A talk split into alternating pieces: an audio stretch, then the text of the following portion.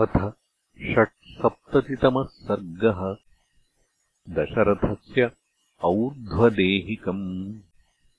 तमेवम् शोकसन्तप्तम् भरतम् कैकयीसुतम् उवाच वदताम् श्रेष्ठो वसिष्ठः श्रेष्ठवागृषिः। अलम् शोकेन भद्रन्ते राजपुत्रमहायशः प्राप्तकालम् नरपतेः कुरु संयानमुत्तमम् वसिष्ठस्य वचः श्रुत्वा भरतो धारणाम् गतः प्रेतकार्याणि सर्वाणि कारयामास धर्मवित्। उद्धृतम् तैलसंरोधात् स तु भूमौ निवेशितम्। आपीतवर्णवदनम् प्रसुप्तमिव भूपतिम्। संवेश्य शयने चाग्र्ये नानारत्नपरिष्कृते ततो दशरथम् पुत्रो विललापसुदुःखितः किम् ते व्यवसितम् राजन् प्रोषिते मय्यनागते विवास्य रामम् धर्मज्ञम् लक्ष्मणम् च महाबलम् क्वयास्यसि महाराज हि त्वेमम् दुःखितम् जनम् हीनम् पुरुषसिंहेन रामेणाक्लिष्टकर्मणा। योगक्षेमम् तु ते राजन् कोऽस्मिन् कल्पयिता पुरे त्वयि प्रयाते स्वस्थात रामे च वनमाश्रिते विधवा पृथिवी राजन् त्वया हीना न राजते हीनचन्द्रे वरजनी नगरी प्रतिभाति मा एवम् विलपमानम् तम् भरतम् दीनमानसम् अब्रवीद्वचनम् भूयो वसिष्ठस्तु महामुनिः प्रेतकार्याणि यान्यस्य कर्तव्यानि विशाम्पतेः तान्यव्यग्रम् महाबाहो क्रियन्ताम् अविचारितम्।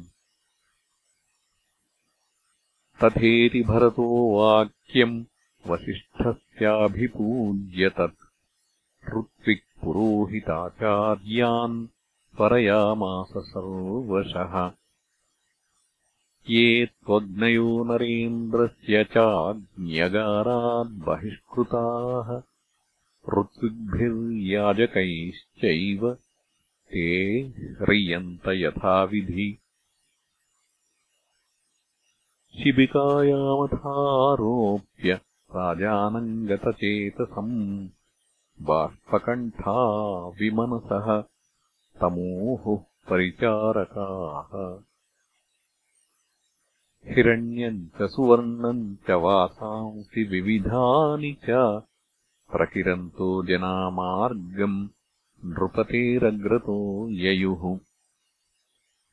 चन्दनागरुनिर्यासान् सरलम् पद्मकम् तथा देवदारूणि चाहृत्य क्षेपयन्ति तथा परे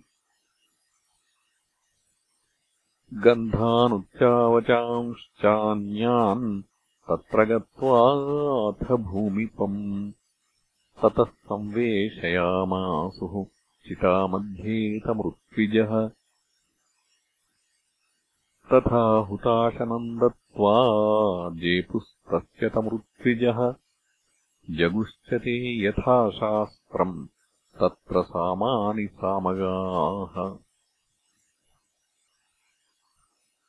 शिबिकाभिश्च यानैश्च यथार्हम् तस्य योषितः। नगरान्निर्ययुस्तत्र वृद्धैः परिवृतास्तदा। प्रसव्यम् चापितम् चक्रुः ऋत्विजोऽग्निचितम् नृपम्। स्त्रियश्च शोकसन्तप्ताः कौसल्याप्रमुखास्तदा क्रौञ्चीनामिव नारीणाम् निनादस्तत्र शुश्रुवे आर्तानाम् करुणम् काले क्रोशन्तीनाम् सहस्रशः। ततो रुदन्त्यो विवशा विलप्य च पुनः पुनः यानेभ्यः सरयूतीरम् अवतेरुर्वराङ्गनाः कृत्वोदकन्ते भरतेन सार्धम्। नृपाङ्गनामन्त्रिपुरोहिताश्च पुरीम् प्रविश्याश्रुपरीतनेत्राः भूमौ दशाहम् व्यनयन्त दुःखम् इत्यार्षे श्रीमद् रामायणे वाल्मीकीये आदिकाव्ये अयोध्याकाण्डे षट्सप्ततितमः सर्गः